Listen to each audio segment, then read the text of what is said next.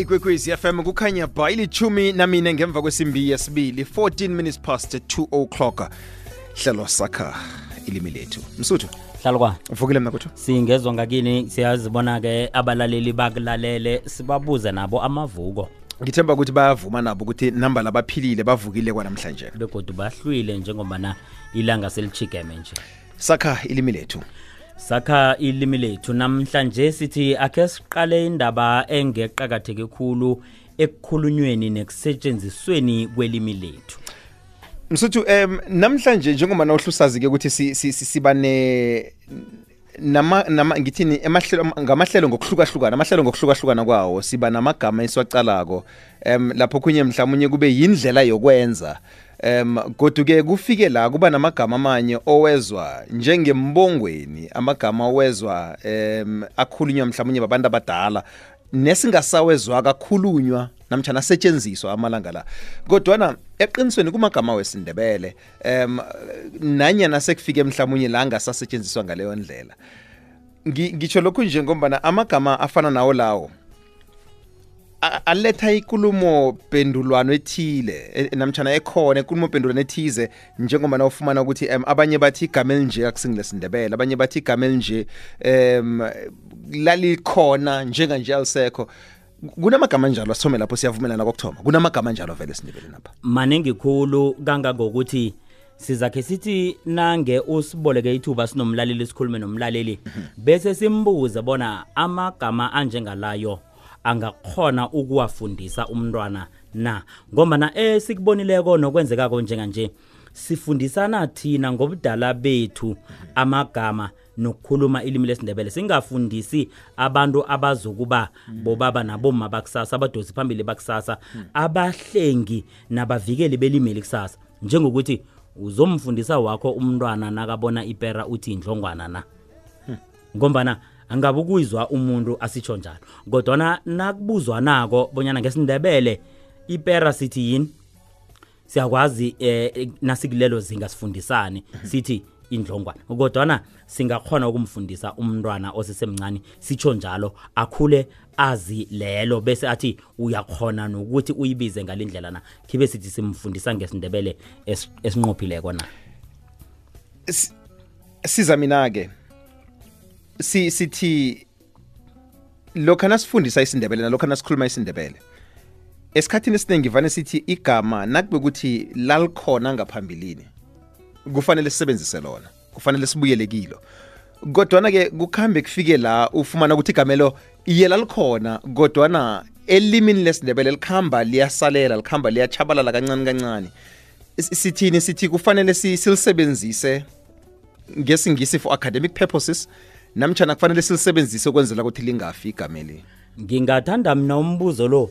Ingabe ngimi owuphendulako? Mhlawumbe umlaleli asiphendulele wona njengokuthi siyazi bonyana ngesindebele idonki siyokuthi udumbana. Kodwa nawuthi uyayiqala bonyana udumbana kutsho ukuthini sithola bona i ligama elakhiwe babakhi belimi ebalisusela ekanini yalesi silwana na usibona sijamileko sinekani bese kuthiwa dumbana ungibulala na ubuyela emva bese uthole leli elithi imbongolo. Ungatsho-ke namhlanje ngesindebele uthi leya yimbongolo. Sekuyokubonakala ke kwangathi awukhulumi isindebele. Bese ibuyela embuzweni wakho lo bonyana ipendulo engiyokufanele kube ngiyiphi. Sibuyele kilo nofana sesilibeke silibekele ukuthi sizolisebenzisela zefundo nofana zemitlolo na?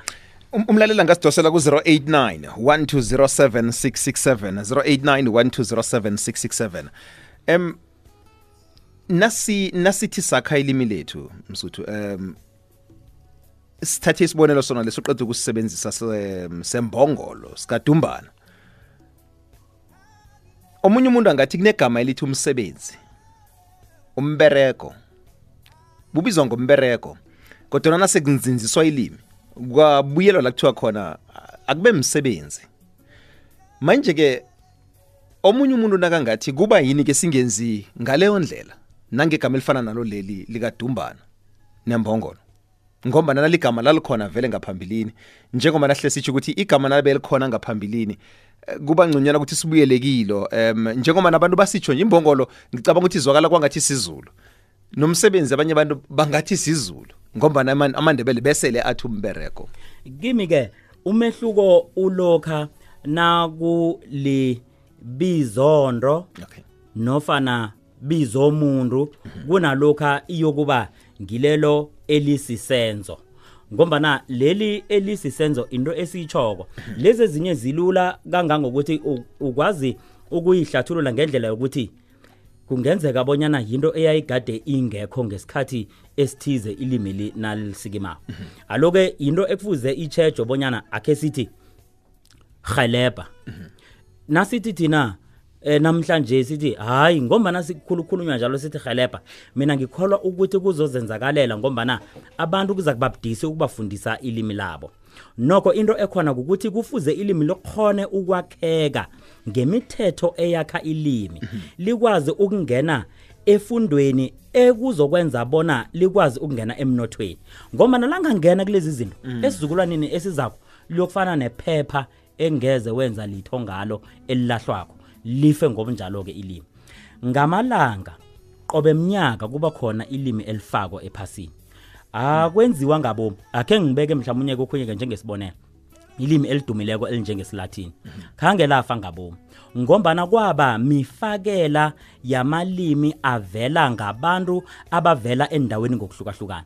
Ilimi lesindebele nongathi uliqalile ulithola linayo imfakela enjalo yamalimi ahlukahlukeneko. Abakhi belimi siza kuthi bathunywe nguzimu nabezimu bona balakhe bayigugudlele bayigade lento bonyana ihlale ikhona. Ngombana nalingangena livangweke ngamanye amalimi liyokuhlala lingekho ngombana ilimi lesilatini lifile njalo likhona ngombana isingisi sinamagama amaningi wesilatini kodwana kubudisi ukuthola leli limi lilodwa likhulume ngobulatini baso. Si sitshetsha kuphi khulu lokho nasithi sakha ilimi lethu? Sitshetsha la sibuya khona namtjana sitshetsha la siya khona? Sitshetsha lapha sikhona okuqakatheke khulu. Sikuthathe sikulamanise nalapha sibuya khona. Sokulamanisa ngokuthi lento esiyibonako namhlanje lapha kudlalwa khona umdlalo wokuthi kuyabethwana kuyabendwana.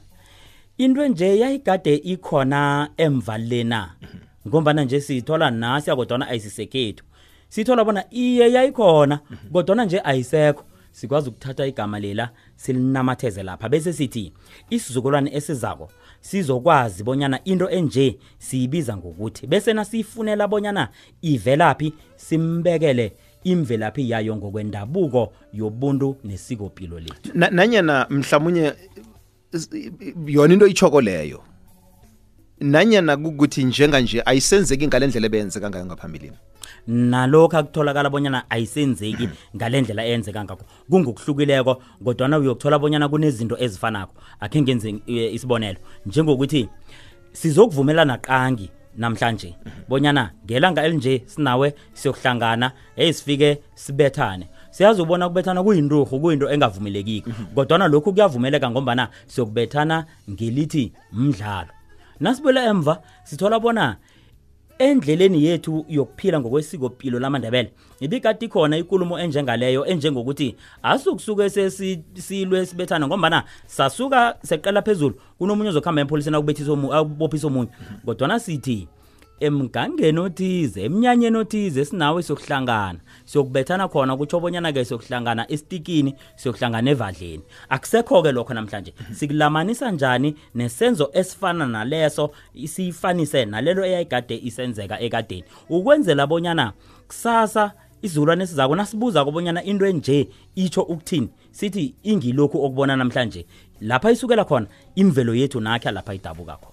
Siku-089 1207667 089 1207667 079 kha ilimi lethu 089 ngo-25 minutes past 2 o'clock emhatshweni kwekwezi fm sakha ilimi lethu. Mna kuthi asithome uh, ngama-voice note athunyelwe ku-079 413 2172 akwande nathi ngujoseph mabhena eduze ne-tribal office emanaleni. Nathi ngibawa ukubuza la ukuthi kamagama yangiconfuse la? Igama elithi ukuchopha nokuchophisa so ukuchopha kanti kuyini? Ngoba thina sazi ukuthi mina ngisayokuhlamba thokoze khulu ncaku hlangana nokhunye ongakhuluma-ke nawuthi useduze ne eh isindebele esinqophile kuzokuthi hlanukwe eh hlanukwe kosini. Bekungaba mnandi khulu bowubize uthi hlanukwe kosini kwamabhena hlanukwe kosini kwamgibe embuzweni akho ke ikulumo ngombana ikhambe ichuguluka kuya ngendlela abantu esisebenzisa ngakho amagama ekulumeni nethu kuhle kuhle ngokwendabuko ukuqopha kukwenza ubuhle njengokuthi na uqophako uyokwenza kube kuhle lapha nalapha. Kodwana ke nawungathi uyatsheja uyokuthola bonyana kuba abantu abavela kwamahlungulu abathi khambe uqopha thatha umntwana luyomqophisa bese abathi eh hlamba kanengi uyokuthola bonyana ke kuba abantu nawubazuma imvelaphi yabo ubathole bona ukuhlalisana kwabo bahlalisene ne- ne- nomhlobo onjengemhlobo wa wa waba bahadla khulukhulu. Eh ngombana eh laba abavela ncange sokuthi ngepumalanga yendawo yethu mhlawumnye endaweni ezitholakala bona zi sezi ngebanga lemayini sezifike amazulu kwafika abaswati nanamhlanje uthi nakhuluma isindebele athi uyageza. Bese abavela nca ngebupedi eh thola ukuthi bahlalisene nabo nabo bathi bayahlamba. Bese ngibo abahlezi khulu nabathi bayaqopha. Bese abavela nca ngepitori bayahlamba. 0891207667 Hello nathi na Lizi ngowamachiya ngithanda ukubuza ukuthi igama leli lithi watch iwatch kwenze kanjani kube newatch kube nengulube? Ngoba thina isithakazelo sekhaya kuthiwa singibawa ngulube azembelani. Manje ingulube newatch khambani lapha mbuzo muhle mregeni asazi kuhle ngombani wena ungumregeni ungwakwamachiya thina sazibona nivele eswazini? Kungenzeka bona ingulube le ingulube ngoba nize nayo eswazini. Ngombana eh nizila yona ninane bakwambonani nguluba zembelani kodwa naziza kileli lehotshi ligama ekutholakala bona lithiwe lapha esindebeleni. Bona ngokulila kwayo balithiya bona ke ihotshi kanti ngesindebele esitsengileko sisavukazana. Le igwigwiz FM sakha ilimi lethu? Eh notha nathi kunjani? sivukile baba sibuza ngakini? Khona phakathi eDelmas Livingstone amasalela ukhuluma noMagidane Mnguni. makubelo Nathi ngibethwa ligama leli lokuthi unehlizwede and umahamaru. Enisihlathululeni nedlaphu tu.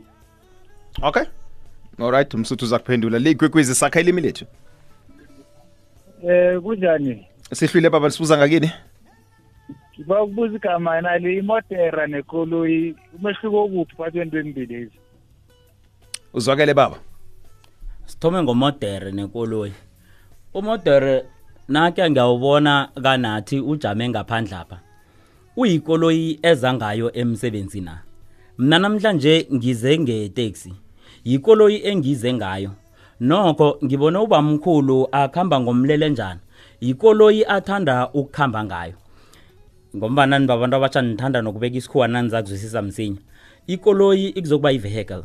Bese umodere kube ngile ose uyihlathulula bonyana yiveni motoro yikhumbi yibhesi. Nazi zonke njalo. Zimihlobo ehlukahlukeneko yenkoloyi iye imihlobo ehlukahlukene yenkoloyi ufly